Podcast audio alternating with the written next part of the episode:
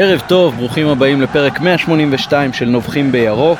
אה, אתם אה, מוזמנים להירשם ברשתות החברתיות לנובחים בירוק, ספוטיפיי, אפל פודקאסט, גוגל פודקאסט או כל אפליקציה אחרת שאתם מאזינים בה להסכתים ותהיו ראשונים לקבל אותנו עם כל הפרקים הכי טריים. הערב מתארח אצלנו שוב, לא בפעם הראשונה, לא ספורט 5 מהטוויטר, שעכשיו אפשר לחשוף את שמו הפרטי, אופק. מה שלומך אופק? מצוין, מה שלומכם? אנחנו בסדר, מתן גילאור גם איתנו על הקו, מה העניינים מתן? יכול להיות יותר טוב, אה, כשיסתיים הבידוד יהיה יותר טוב. אגב, אנקדוקטה קצרה, סליחה שאני כבר גונב את רשות הדיבור, שהיה פה איזה מישהו אצלנו בשכונה עם ילד בגן וילד בבית ספר, ואיך שסיימו את הבידוד של ילד מהגן, אז חזרו ויום אחרי נכנסו כל הבית אה, לילד בבית ספר.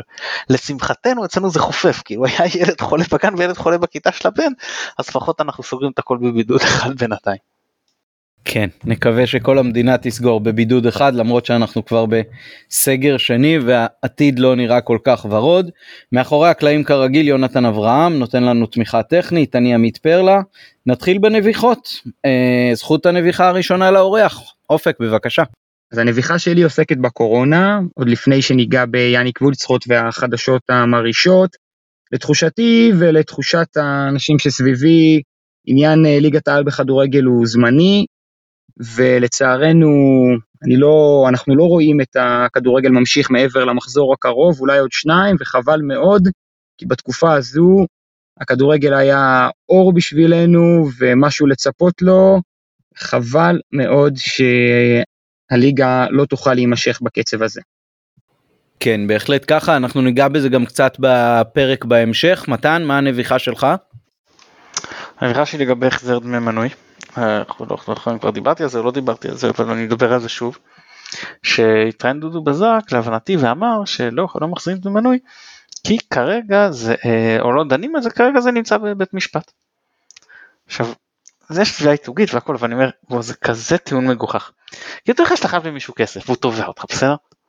ואז אה, שואלים אותך למה אתה לא מחזיר את הכסף, הוא אומר אה לא זה בית משפט, כן אבל אתה יכול להחזיר את הכסף ולייתר את כל הנושא של בית משפט, כאילו איזה מין תירוץ זה בבית משפט, תחזיר את הכסף, לא לא לא צריך ללכת לבית משפט. עכשיו אני אגיד, אני כבר אמרתי בעבר, אני לא אקח את ההחזר הזה, אם יהיה, למרות שאני לא מאמין שיהיה, לא יודע אם יהיה, זה, אתה יודע, אמ, אני לא אקח וגם אני אגיד אתה יודע אנחנו הולכים להציע עיתונות וזה מבחינתי יאללה אין לי בעיה אני לשלם על זה בסדר? זה גם אה, חלק מה, מהעניין למרות שלא כאילו אנחנו לא אמורים.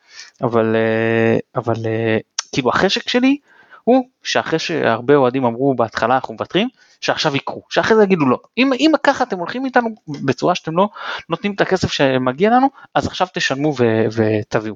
ולא בזיכויים ולא במחזיקי מפתחות, בכסף אמיתי. בן אדם בא, שילם, לא קיבל תמורה, תחזירו לו את הכסף, או איך אה, ניסח את זה קים רטוש, השבה חלקית מלאה. כאילו את הסכום המלא בגין ה-5 חלקי 18. אני באמת לא מצליח להבין לא את למה זה מתעכב עד עכשיו ולא החזירו את הכסף, ובטח אני לא מצליח להבין את הטיעון הזה של זה נידון בבית משפט. מזמן תחזירו את הכסף ותיאתרו את כל התביעה.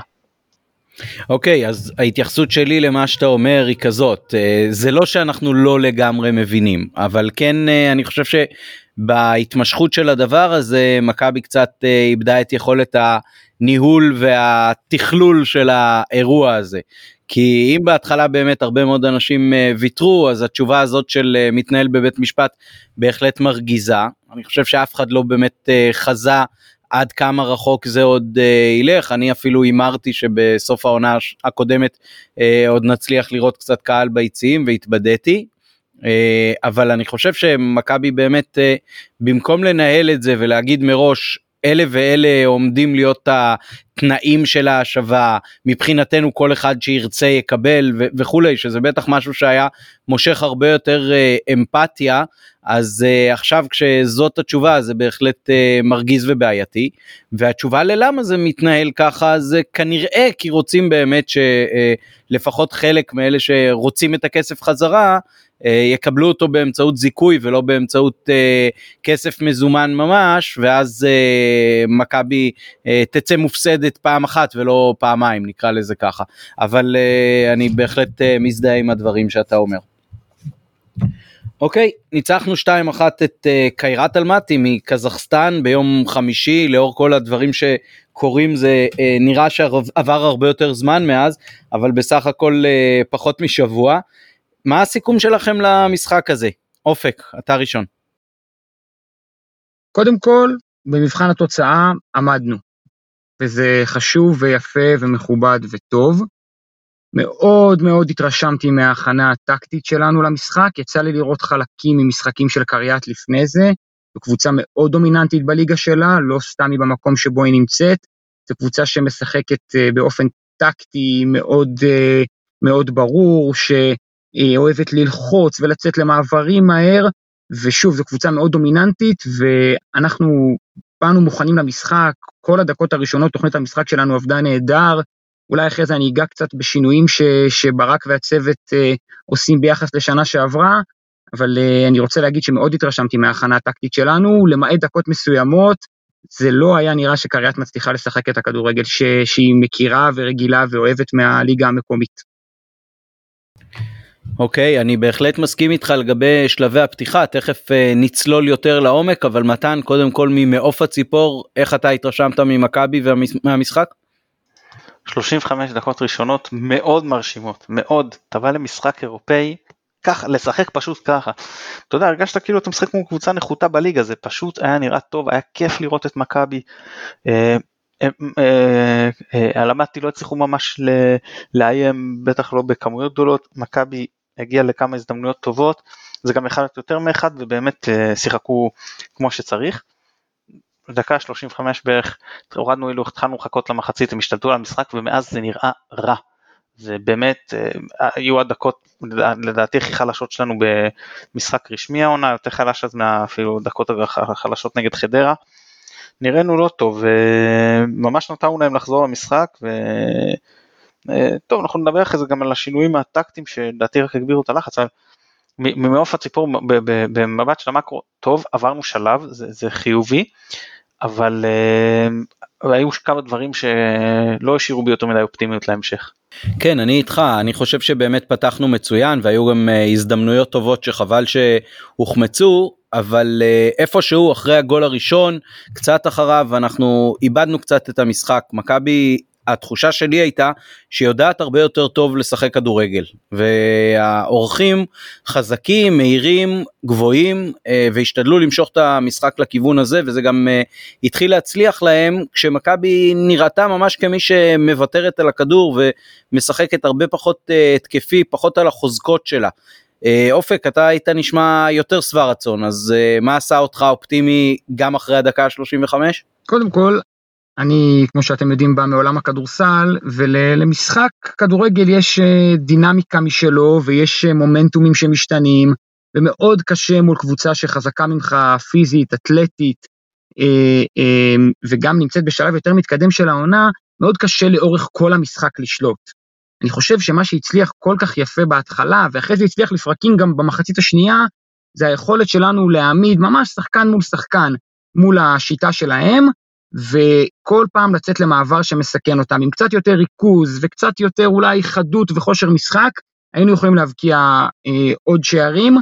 אני, כן חשוב לי לציין שהיכולת של, של, של הצוות המקצועי של העונה הזו, לשמר את הדברים הטובים משנה שעברה, וזה אומר ניקיטה ברחבה, ויובל בא מקו שני, והכנפיים, וגם להוסיף לזה לדוגמה המעבר לשחק עם שני שחקנים באותו קו בקישור האחורי ולא רק נטע לביא לבד אלא אבו פאני בקו שלו וההכנסה של שרי ויאניק ששיחקו פה את הכנפיים קצת יותר לכיוון האמצע וקצת פחות לקו ודולב וחזיזה שבגול השני עשה בדיוק את מה שאתה מצפה, מה שאתם מצפים משחקן כנף שבא לאמצע ונתן פס לגול. היכולת לשמר את מה שעבד טוב ובכל זאת לעשות שינויים קטנים זה, זה מאוד מעודד אותי לעתיד. מה גם שאני חושב שעם אה, בלם חדש, ממה שאני ראיתי בווידאו שראיתי שלו, הוא שחקן מאוד מרשים, גם חזק, גם יודע לצאת עם הכדור ולבנות התקפות, גם מחסל את התקפות היריב, הכל ייראה יותר טוב, ו... וזה גורם לי להיות אופטימי יחסית לשלב הזה של העונה. אוקיי, okay, נמשיך איתך. אה, אז אמרת אבו פאני באמצע מחזק בעצם את הקו של אה, נטע לביא אתה לא חושב שאנחנו מפסידים יותר מדי בכנפיים בצורת משחק הזאת?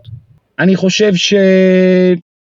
שזה סיכון מול סיכוי, ואנחנו רואים את יאניק ווילצחוט הרבה יותר מעורב במצבים ומגיע ל-16 של היריבה לעומת שנה שעברה, ואנחנו רואים את היכולת לשחק עם שרי בכנף ולהביא אותו לאמצע במערך לא סימטרי, ואז להחזיק שלישייה באמצע חוץ משרי, שבשנה שעברה לא הצלחנו לעשות את זה כמעט אף פעם. ו... ואני חושב שכל עוד אנחנו עם שני הבלמים האלו, עם עפרי ארד ו... וחבשי, אנחנו חייבים לשחק עם שני קשרים באותו קו כדי שנוכל להוציא התקפות קדימה. לדעתי, רודריגז הוא בדיוק השחקן שיודע לבנות את ההתקפות האלה ליד נטע לביא, ויכול להיות ש... שזו הסיבה שהוא הגיע. כן, זאת גם המחשבה שלי, וניגע אחר כך גם uh, בהתייחסות להרכב העתידי בעניין הזה. Uh, מתן, uh, עוד uh, מילים על אבו פאני, ראינו אותו שוב uh, מנווט יפה את ההתקפה של מכבי, מעביר מצד לצד, משתחרר מלחץ בצורה יפה. כל מה שאמרתי בפרק הקודם מבחינתי עדיין תקף, אמביציה, ביטחון, רוצה להיות שותף במשחק, אופי מצוין, עובד, כל הדברים כאילו שאתה רוצה שיהיה בשחקן מבחינת חוץ מהרמה שאני מצטער היא, היא לא מספיקה למכבי. אני חושב שברור זה לא שום מהחלשים במכבי יש עוד שחקנים שלא מגלים יכולת טובה אבל ראינו לפחות אותם שבמימוש פוטנציאל יותר גבוה כן עוד מציגים יכולת שלפחות חלקם שמספיקה למכבי פה בופני שוב כמחליף כשחקן רוטציה אפילו כן כאיזשהו בנקר בהרכב אני מצטער אבל לא. ובאמת הוא, הוא, הוא נותן לך את כל הסיבות, אתה יודע, להתאהב בו, לרצות שהוא יצליח, כי, כי באמת הוא עושה, הוא, הוא, הוא עושה על המגרש מה שאתה רוצה ששחקן ב, ב, בתפקידו יעשה על המגרש, לא בורח מהכדור, אה, משתתף בהגנה, לא רק מחפש לרוץ קדימה, אחראי, אבל אה, יש שם גם מגבלה פיזית וגם אה, באיזושהי מגבלת כדורגל. אבל לא, כמו שאמרתי בפרק קודם אני שוב אומר לא משאיל אותו אני משאיר אותו כחלק מהסגל של מכבי לגמרי מחליף ראשון לה, לעמדות האלה.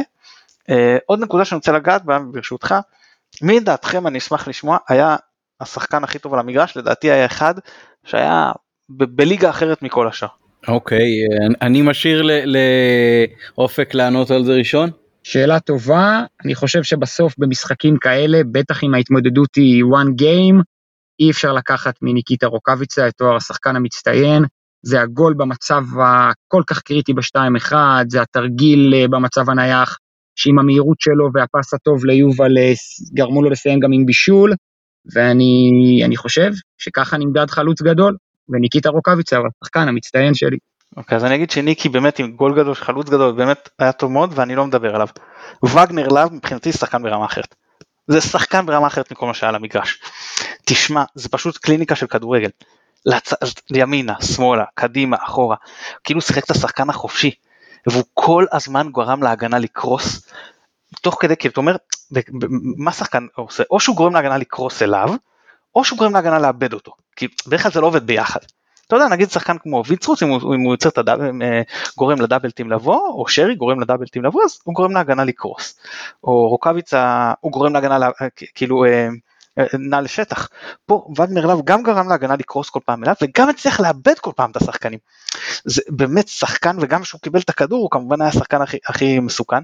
ואני חזרתי אז לצמד משחקים נגד צ'סקה מוסקבה, אני, אני לא הלכתי לבדוק את ההרכבי, אני זכרתי שז'ו שיחק, ואני חושב שאליו היה פצוע. אני חושב, לא בדקתי. ואם כזה אמרתי, אוקיי, היה לנו מזל. כי אם בגיל 36 הוא באמת היה רמה מעל המשחק, תחשוב איפה אם אתה לוקח אותו לשנות ה-20 שלו. באמת, אני כל כך נהניתי לראות אותו, אתה יודע, אני, אתה בדרך כלל לא נהנה משחקנים של היריבה, אתה לא רוצה שהם יצליחו, אבל הוא פשוט העסיק לנו את כל ההגנה ברמה לדעתי, שאין בליגה שלנו, פשוט אין דברים כאלה, בליגה שלנו פשוט נהניתי לראות את השחקן הזה. אז רגע לפני ש... שממשיכים, אני מתנצל, אני א', לא חשבתי על שחקן מהקבוצה היריבה, חשבתי שאתה מדבר על מכבי, ואני גם אשמח לתת את אה, שני הסנט שלי על, אה, על אבו פאני, זה לגיטימי עכשיו? בהחלט. בוודאי. אז אני חושב שאבו פאני שהגיע על, על המקום של מקסים פלקוצ'נקו בסגל, הוא שחקן הרבה יותר מגוון ממקסים בהקשר של המערכים שהוא יכול לתת לנו לשחק.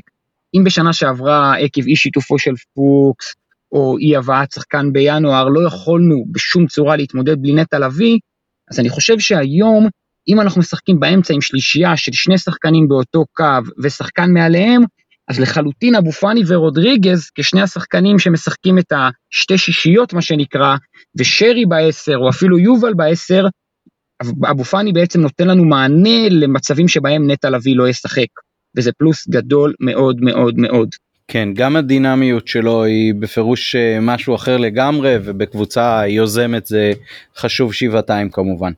נתייחס לחילופים, אה, פלניץ' נכנס בדקה 74 במקום וילצחוט ועברנו בעצם לשלושה בלמים. אה, אתם חושבים שזאת הכנה למה שיהיה ביום חמישי הקרוב? אתם חושבים שזה חלק מהיערכות בכלל לשיטת שלושת הבלמים? מתן. אני חושב שבכר כבר הוכיח שהוא, שהוא, אתה יודע, משנה, יודע להיות uh, גמיש ולשנות מערכים. Uh, הוא מכין אותנו, כן, גם לקראת העונה שהקבוצה תדע לשחק גם את המערך הזה, ואנחנו, אני מאמין שעוד נראה אותו תוך כדי משחקים. תראה, אם וילצרוט היה כשיר הייתי אומר לך שלא, שאין סיכוי שנפתח ככה, או לא, לא אין סיכוי, תמיד יש סיכוי, אבל שזה לא סביר שנפתח ככה ביום חמישי. היום כבר יותר קשה לדעת, כי אני חושב ש... גם אין לך את וילצחוט, גם אין לך את שואה, ובכל זאת אני מאמין שבכר כן ירצה איזשהו אס מהספסל. זאת אומרת איזה אס התקפי חזק משמעותי, כששני אלה אה, חסרים נשאר לך מהספסל אם אתה עולה גם אה, בלי חזיזה. צד שני אם אתה עולה בלי חזיזה מי יש לך על הקו? עם איזה, עם אה, איזה אגפים, איזה קיצוניים אתה משחק, כאילו רק מבוקה וסאן, לא, לא בטוח שזה מספיק, בטח לא באגף שמאל. סופו של דבר אם צריך להמר, אז אני כן מהמר שחזיזה יפתח, אבל אה, לא מן הנמנע שאם נגיע לדקות, אתה יודע, חלק האחרון של המשחק ביתרון, אפילו בשוויון עם רצון למשוך להערכה ופנדלים, שהוא יעבור לשיטה הזאת, ובטח שאני מאמין שנראה אותה עוד במהלך העונה. בטח אגב אם טלב יחתום, שאז אני ספק שנראה אותה הרבה יותר.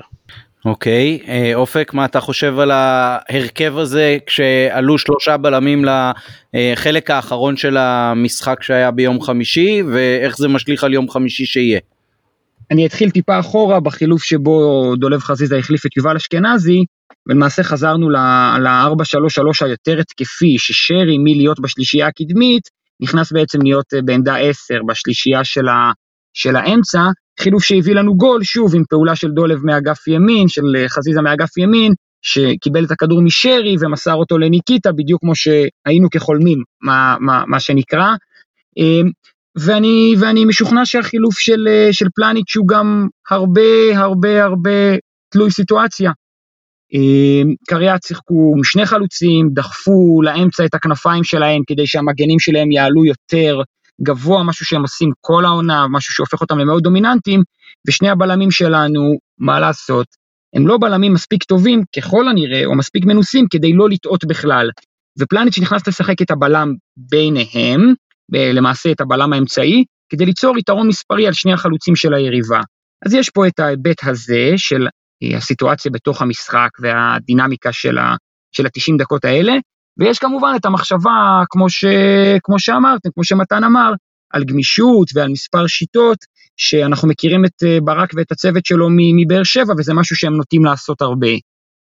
אני חושב שלקראת יום חמישי, אה, הסיפור של וילצחוט באמת אה, משנה פה קצת את התמונה, אה, ויכול להיות שהיינו פותחים בשלושה בלמים אה, אה, בלי קשר כדי לנסות אה, להיות קצת יותר זהירים ונסוגים, אבל uh, אני לא, אני לא, לא חושב ש, uh, שברק uh, יפתח ככה, כי יש גם להערכתי איזושהי חשיבות למשהו שהקבוצה כבר רצה איתו. והקבוצה רצה עם קו 4 מתחילת המשחקים הרשמיים, אז להכניס עכשיו בלם ולוותר על שחקן למעלה ולשנות את השיטה ולהשאיר רק את שרי ורוקאביצה למעלה, זה נראה לי שינוי גדול מדי. אולי אני טועה. כן יכול להיות. Uh, בדקה 83 נכנס uh, רודריגז חוזר רודריגז במקום uh, ניקיטה והוא זכה גם ל-20 דקות מול uh, באר שבע. מה ההתרשמות הראשונית שלכם uh, מהשחקן הזה מתן? רק מוקדם מוקדם תראה הוא יודע להזיז כדור הוא לא מפחד, הוא יודע, כאילו, אתה, אתה רואה ששחקן שלא בפאניקה מלראות הכדור, הוא יודע מה לעשות איתו, אבל זה ממש ממש מוקדם. אה, לא הצלחתי לראות באמת כמה הוא משתלב במערכת ההגנתי גם, וכמה הוא יכול לתרום להתקפה. זה פשוט היה לי קצר מדי, אני לא רוצה סתם, אתה יודע, לדבר על דברים שאני לא בטוח לגביהם.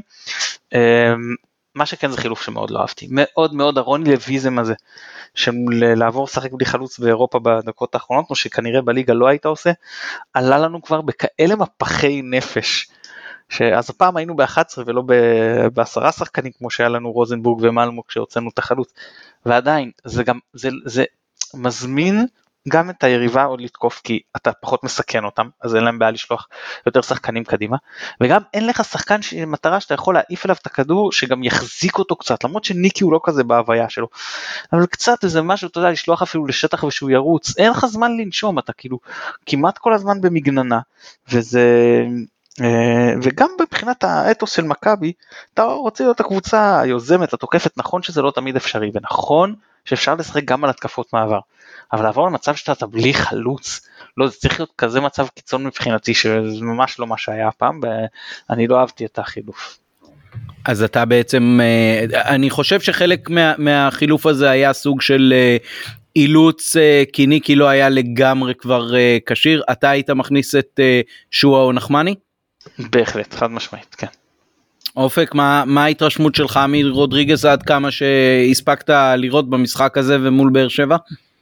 אני אתחיל בסוף ואני אגיד שכמאמן כדורסל תמיד בבית קל לנו להגיד הייתי מכניס חלוץ או הייתי מכניס את השחקן הזה כי האחריות לא עלינו ואם אנחנו לא מצליחים להחזיק בכדור ומקבלים גול אז זה לא שאנחנו הולכים הביתה. אה, כמובן אה, בהגזמה. אה, רודריגז נכנס לתוך... אופק אופק רק צריך גם להודות שאנחנו לא מקבלים כסף בשביל לקבל את ההחלטות האלה אז מותר זה נכון זה נכון זה נכון. אה, אני אומר שרודריגז נכנס לתוך מערך של 5-2-3 אה, הוא למעשה נכנס לשלישייה הקדמית ביחד עם חזיזה ושרי וזה לא המקום שמתאים לו. דווקא דווקא להכניס אותו זה, זה מחשבה נכונה כי זה שחקן שיודע להחזיק את הכדור ויודע לתת את הפס בזמן.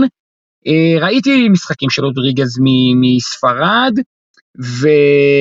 ואני חושב שמדובר בשחקן שהוא מצוין בלבנות התקפות, מה שאי אפשר היה בשום צורה לעשות אה, בעמדה שבה הוא נכנס במשחק האחרון, אבל, אה, אבל אה, זה כן שחקן טכני, פס טוב, ראיית משחק, עבר לא מעט בקריירה יחסית לשחקן בן 25, ולהערכתי לאט לאט הוא יתפוס את המקום שלו ליד אה, נטע לביא, או באיזושהי רוטציה עם, אה, עם נטע ואבו פאני ויובל.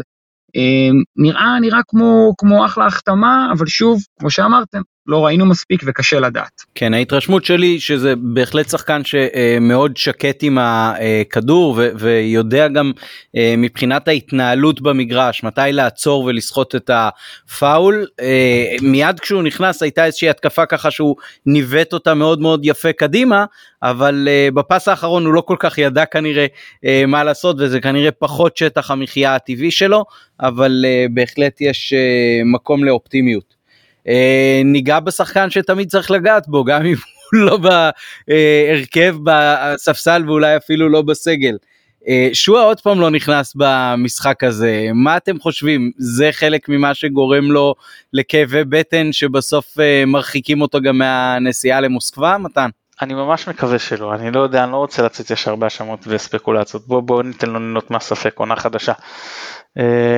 בוא, הוא קיבל פה דף חדש, הסתמרות חדשה, מאמן חדש שלא שופט אותו מההתחלה, בוא תוכיח את עצמך, תהיה מספיק טוב. אגב, אנחנו יחסית היינו במצב של עומס משחקים, חבל, אם היה את ראשון בסכנין לפחות אולי הוא יכול קצת לשחק, אבל אה, אם באמת יימשך הליגה, אז שוב יש לנו קצת צפיפות משחקים, בעיקר אם נעפיל לפלייאוף. מקום בשבילו לבוא לי קצת לידי ביטוי. אני, אני, אני קודם כל מקווה בשבילו שיהיה בריא, ואני מקווה בשבילו באמת שיתפוס את עצמו וינסה להשתלב, אני בטוח שאם הוא ייתן את הכל, שחקן מוכשר, שחקן שיש לו כדורגל, אם הוא ייתן את הכל ויתנהל כמו מקצוען, ברור שהוא יקבל את הדקות שלו, זה לא אומר שהוא יהיה מוסמר להרכב, אז זה כן אומר שהוא יתחיל לקבל יותר ויותר דקות כמחליף, ואם הוא יוכיח את עצמו, אז יכול להיות שהוא גם אה, יתחיל לקבל מדי פעם גם מקום בהרכב, בתקווה, אתה יודע, אולי מספיק טוב כדי בעתיד לתפוס מקום של אה, קבע בהרכב.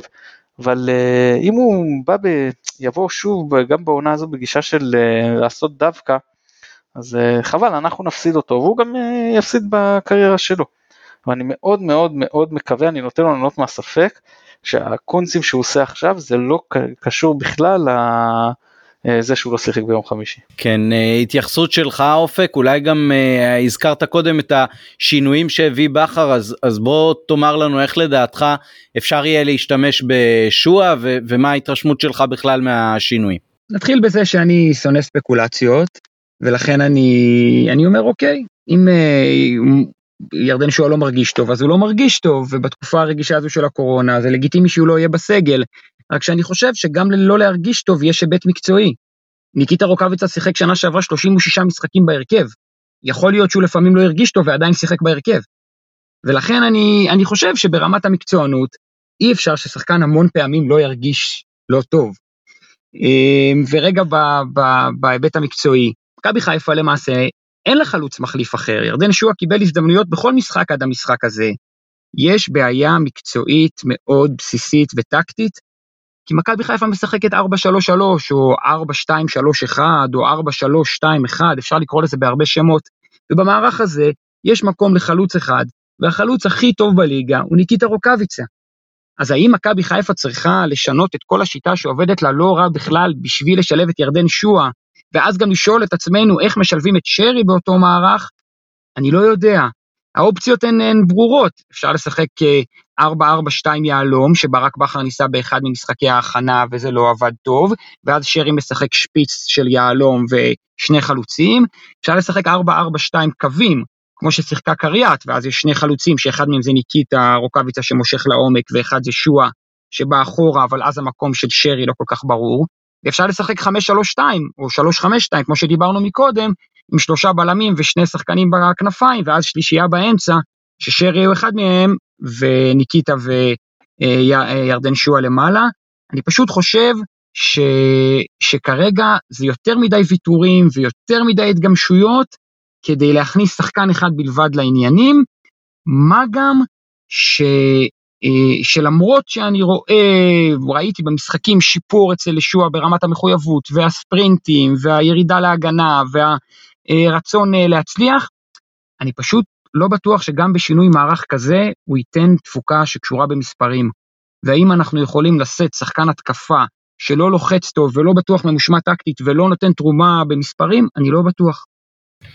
אוקיי, okay, אה, אז סיימנו בעצם עם המשחק אה, שהיה, ועכשיו אה, לפני שניגע במשחק שיהיה, כמה מילים על שעת הקורונה. אז אני לא הצלחתי להבין מה בעצם הכללים כרגע מבחינת ההתאחדות והמינהלת לביטול משחק ליגה. אה, אמרו שבסכנין יש אה, שחקן אחד לא כשיר נדמה לי ואיש צוות ש, שהשחקן הלא כשיר היה השוער המחליף ואז הם אה, שיחקו מול נתניה וחטפו שביעייה. והערב התבשרנו שיש שחקן אחד שנמצא כנשא בקריית שמונה והמשחק של ביתר נגדם בוטל. אז uh, לפי התפרצות, מי הראשון שיכול להסביר לי בדיוק מה הכללים שנהוגים פה, כשאני uh, כן קראתי שבוופא uh, הכלל הוא יש 13 כשירים, המשחק מתקיים. אין, המשחק מבוטל וזה כנראה uh, ניצחון טכני למי שיש לו את הכשירים הנדרשים. אני באמת לא, אני לא יודע להגיד לך בדיוק מה הכללים, אני לא חושב שמישהו יודע, כאילו, אתה יודע, חיים עם אה, כל מקרה לגופו קצת, ומנסים להיזהר, אה, לדעתי אנחנו בדרך להשבתה, שאני אפילו אגדיל ואומר שאחת הסיבות אולי הרציניות שאנחנו לא, עדיין לא רואים פה השבתה זה הסיפור של הישראליות באירופה בשלבים של המוקדמות, כי אם אתה תשבית פה, תגיד אוקיי אני מפסיק את הכדורגל, אז מה, איך ת, ת, אה, תמכור את זה שזלצבורג צריכים להגיע לשחק פה. או הפועל באר שבע, אני לא זוכר כרגע אם צריכים עוד לארח, אה, אם יש להם עוד מה לארח, אותו סיפור, איך תמכור את זה, איך תגיד, תגיד, אני נותן לקבוצות שלי לשחק פה כי אני חושש לבריאות השחקנים, אבל אני דורש מקבוצות מחוץ לארץ לבוא ולהתארח. זה הרי לא מתקבל על הדעת. אני מאמין שנסו למשוך עוד, אה, אתה יודע, קצת אחרי... עד שהקבוצות הישראליות כבר לא תצטרך, לא תצטרכנה לארח משחקים בשלבי המוקדמות, ואז לצערי אני נראה לי שאנחנו פה בדרך להשבתה. כי, כי אם אין לך כללים ברורים אז אתה לא יכול לחיות מזה של רגע אני מחכה וחמש שעות לפני משחק איזה שחקן אה, עכשיו אה, נדבק ואז זהו אה, חולה כאילו אה, מאומת. עכשיו אני צריך אה, לדחות את המשחק. ואיך תשבץ אחרי זה הכל זה בלאגן גדול מדי כאילו והסיכוי שבישראל שיצטרכו לבחור פה בין כללים ברורים ולעמוד בהם לבין ביטול, אה, גורם לי להאמין שיבחרו פה בביטול. לא בביטול, בהשבתה. אוקיי, אופק, יש לך איזשהו insight בעניין הזה? אני חושב שאף אחד לא יודע, זה מצב תקדימי, יש פה הרבה מאוד כסף על השולחן.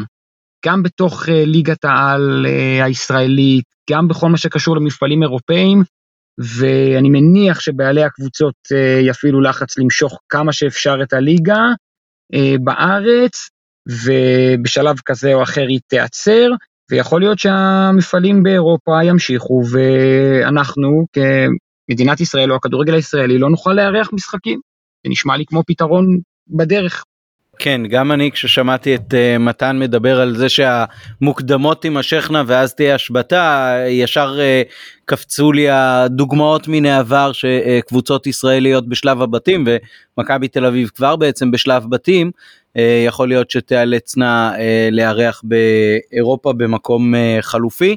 Uh, צריך לומר שאולי השבתה כזאת גם לא תהיה מאוד מאוד ארוכת טווח כי בסך הכל כשהקבוצות אה, בוא נגיד יעברו את הגל הזה אז השחקנים אחר כך אמורים להיות אה, לפחות אה, חסינים חלקית ואולי אחר כך עם בידוד יותר משמעותי שלהם אז אפשר יהיה לחזור יכול להיות שזה לא תהיה השבתה מאוד מאוד ארוכה. אוקיי אז זה בעניין הקורונה ועכשיו בכל זאת יש לנו משחק ביום חמישי מול רוסטוב אני חייב להגיד ש... קצת הרגשתי היום לגבי המשחק הזה בעיקר אחרי שווילצחוט נמצא כנסע ש, שאולי חלילה זה יהיה קצת כמו המשחק גביע שסגר את הכדורגל פה לתקופה אחרי ה, בסגר הראשון אחרי שהפסדנו להפועל באר שבע בבית בלי קהל. אז יום חמישי שבע וחצי למיטב זיכרוני ברוסיה איך אתם עולים למשחק הזה אופק מה ההרכב שלך. אני חושב שצריך לעלות בשיטה המוכרת שלנו, זו ששיחקנו במשחקים האחרונים, זאת אומרת ארבעה שחקני הגנה, מבוקה בימין, סן מנחם בשמאל, עופרי ארד בימין ופלניץ' בשמאל. אני חושב שפלניץ' הוא שחקן עם מספיק ניסיון באירופה, ואנחנו נצטרך את הכוח הפיזי שלו, ואנחנו גם נצטרך את עופרי ארד בצד ימין. כי עקב היכולת של אה, חבשי, עופרי ארד עבר לשחק את רוב שלבי המשחק ואת רוב המשחקים בצד שמאל, וגם בו זה פוגע.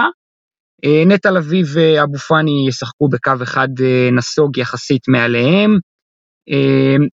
להערכתי, יובל אשכנזי שוב יפתח בעמדת העשר, או שנראה שם את רודריגז, ששוב, יש לו פס יותר טוב, אבל הצטרפות לעומק פחות טובה. שרי יעלה בצד ימין, אה, של ההתקפה, ניקיטה רוקאביצה יעלה בשפיץ ודולב חזיזה יעלה בצד שמאל. אני, אני מקבל את מה שמתן אמר אה, אה, לפני מספר דקות, זה לא משאיר לנו הרבה אפשרויות מהספסל במידה ונכנסנו לפיגור. כן בהחלט מתן זה גם ההרכב שלך?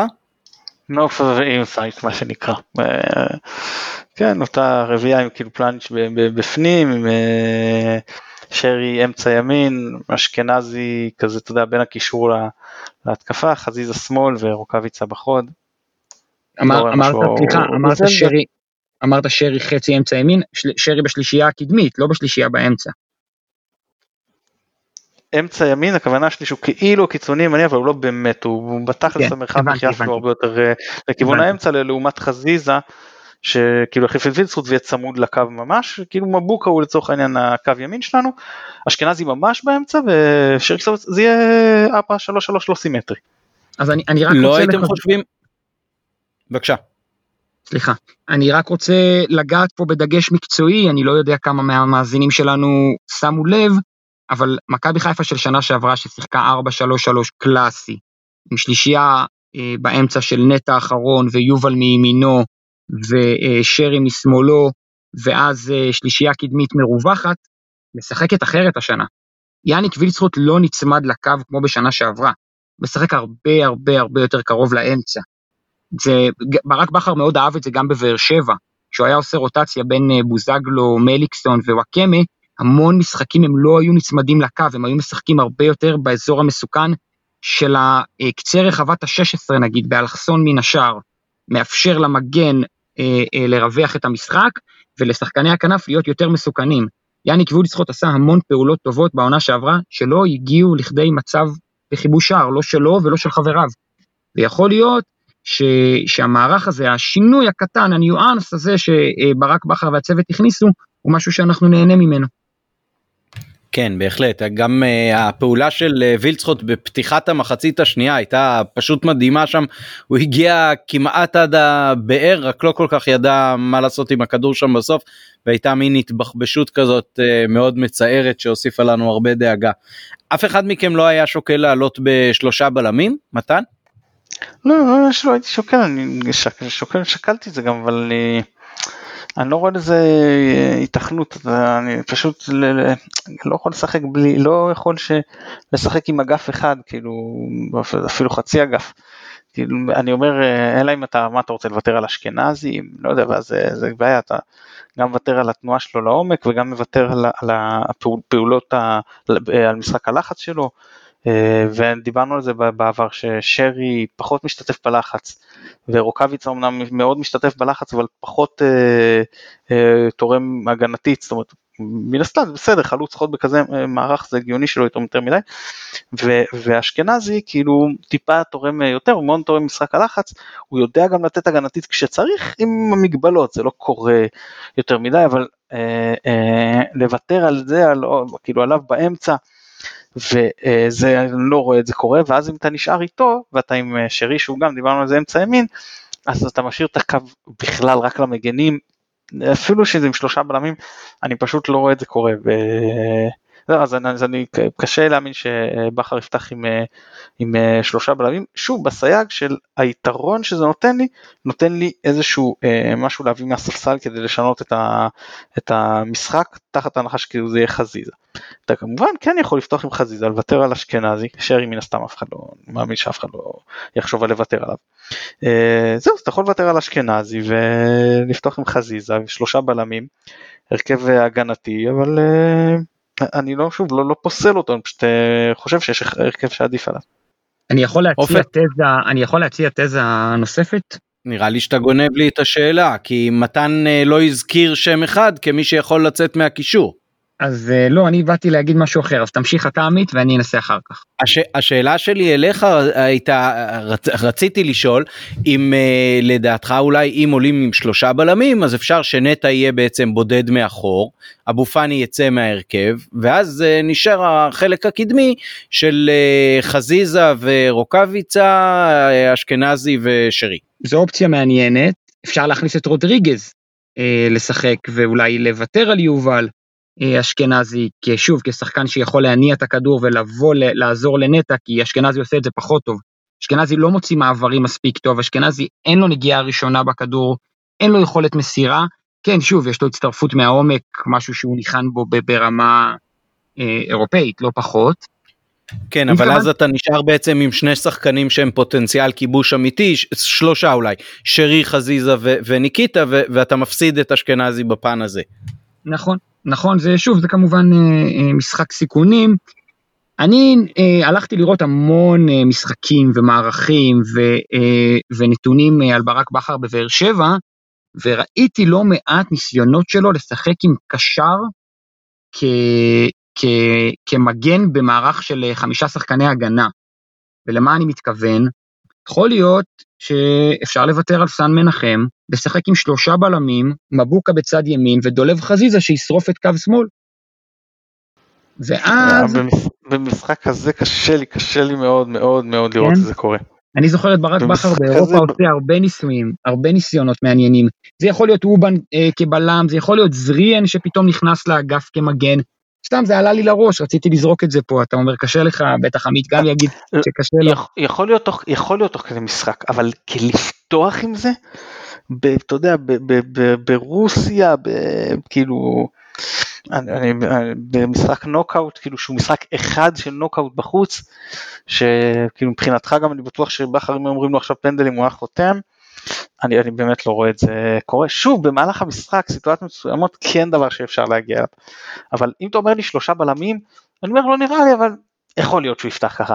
חזיזה כמגן שמאלי, לא, לא אני, לא מגן, לא מגן, שחקן קו, לא מגן, שחקן כן, קו לא במערך לא בסדר, אה, כאילו, אוקיי, כי כאילו, שאמור גם אבל לרדת עד הסוף בעצם על קו שמאל, זה מה שאתה, זה, ואני אני מאוד לא רואה את זה קורה, וזה מזכיר לי קצת את, אם אתם זוכרים, לוזון עם זה שהוא ניסה במשחק הראשון שלו לשים שם את רוקאביצה וזה היה כן, פשוט כן. איום ונורא. כן, ואז דווקא כשהוא הוציא אותו ובן ארוש עבר להיות מגן, קיבלנו גול ממתן חוזז בין בן ארוש המגן לדקל קינן הבלם. כן, אתה מדבר על uh, כל מיני רעיונות שבכר אוהב, אז אחד הדברים שאני זוכר מבאר שבע זה שהוא uh, נהג כמעט בקביעות לעלות עם מישהו שהוא יכול להיות גם קשר אחורי וגם בלם. אני חושב שמי שיכולים להיות uh, בקטע הזה השפנים לתפקיד הזה שלרגע הוא בלם ו- ובשלב אחר של המשחק הוא קשר אחורי, זה גם נטע שבנוער ואצלנו בבוגרים שיחק אולי שניים שלושה משחקים כאלה, אבל בנוער שיחק כבלם לא מעט. וגם רודריגז שממה שהבנו לפחות מהסטטיסטיקות אז בספרד שיחק קצת גם כבלם יכול להיות שזה משהו שבכר מכין וינסה להפתיע בזה את הרוסים. אני אציין אבל שאצל בכר זה, זה לא הקשר האחורי. זאת אומרת, הובן לא היה קשר אחורי. נכון. אז הוא, זה שהוא ויתר, שהוא לקח קשר ולפעמים הסיט אותו ל, ל, ל, לתוך בלם, זה היה שהוא משאיר את הקשר האחורי הדומיננטי הזה במרכז. זאת אומרת, זה נכון שנטע לכאורה לעשות גם כבלם, אבל אה, אני לא, בכר אוהב את הקשר הדומיננטי הזה באמצע ואני לא רואה אותו לוקח את נטע משם. ולכן זה יכול להיות או רודריגז או אבו פאני באיך שאתה מתאר את זה. למרות שאבו פאני אני לא מכיר שיש לו איזשהו עבר כבלם, אני לא, לא ראיתי אותו אף פעם מתפקד שם, והוא גם, יש שם איזושהי נחיתות פיזית מאוד גדולה, מבחינת, בעיקר מבחינת הגובה שיכולה להיות לו בעייתית כבלם, וגם אין לו איזה ניטור מאוד מרשים.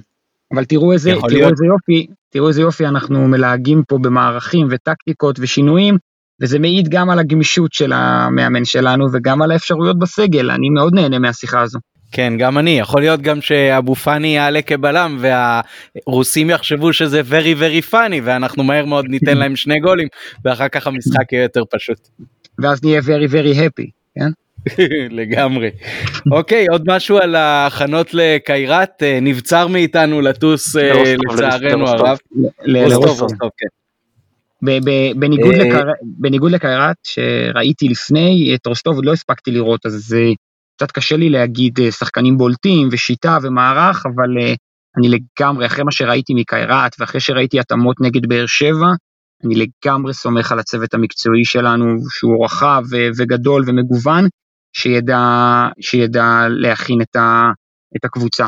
אני רק אגיד שלמיטב הבנתי מדובר על עיר די דרומית ברוסיה, יחסית מזרחה, אם אני משווה נגיד לסנט פטרסבורג או מוסקו, אבל לערים המרכזיות, ואמור להיות טמפרטורה של 12 מעלות שהיא מצוינת לכדורגל ואי אפשר להתלונן מבחינה זו על, ולא לחשוש גם ממזג האוויר. כן טוב אנחנו בוודאי באים למשחק הזה כאנדרדוג ונקווה מאוד גם שכל הסגל שטס יעמוד לרשות בכר במשחק עצמו זו תקופה מאוד מאוד לא יציבה במובן הזה. ההימור שלכם למשחק הזה אופק. אני לצערי לא רואה אותנו עולים, החיסרון של וויל צחוט הוא מאוד משמעותי, לא סתם הוא פתח בשני המשחקים באירופה, ועלה כמחליף בליגה ונתן uh, גול, ובמשחק הראשון נגד חדרה גול שנפסל, רק uh, חשוב לציין, uh, 2-0 לרוסים לצערי, חלום uh, טוטנאם uh, תרחק. כן, הם ינצלו מלהיפגש עם אבו פאני. Uh, מתן, מה ההימור שלך? 3-1 לרוסטוב, וכן, לא, לא נזכה לטוס למקדוניה. כן טוב אז ההימור שלי הוא באמצע ביניכם 2-1 לרוסים ואנחנו מקווים שמהר מאוד אחרי זה יהיה לנו עוד משחק למרות שנראה שהמשחק לא רק אתמול בוטל אלא גם זה שצפוי להיות בשבת לא הקרובה אלא זאת שלאחריה נגד מכבי תל אביב שלושה באוקטובר גם ספק גדול אם יתקיים במועדו היה לי מאוד נעים לשוחח איתכם אופק תודה רבה. Uh, תודה רבה לכם, אני, אני רק רוצה לשאול, זה, זה מבחינת קרמה זה לא טוב לאחל לקבוצה הרוסית קורונה, נכון? Uh, אני חושב, אה, זה דווקא ראיתי, לרוסים היו uh, מלא שחקנים עם קורונה ביוני, והם uh, הפסידו באיזשהו משחק 10-1, אז יש מצב שהם כבר בשלב חסינות העדר. כן, הם עברו את זה. וגם קרמטית לא כדאי לאחל לאחרים קורונה. קיירתית, כן.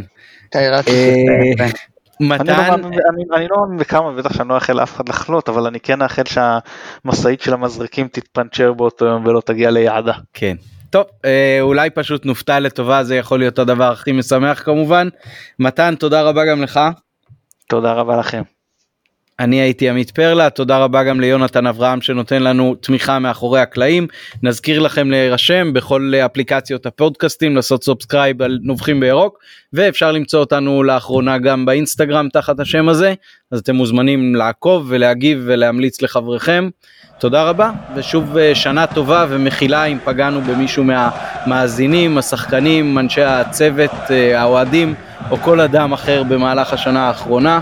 זה היה בשגגה ולא בכוונה, ואם תסבו את תשומת ליבנו אז אפילו נתנצל באופן אה, אישי וחוזר ומודגש. שנה טובה.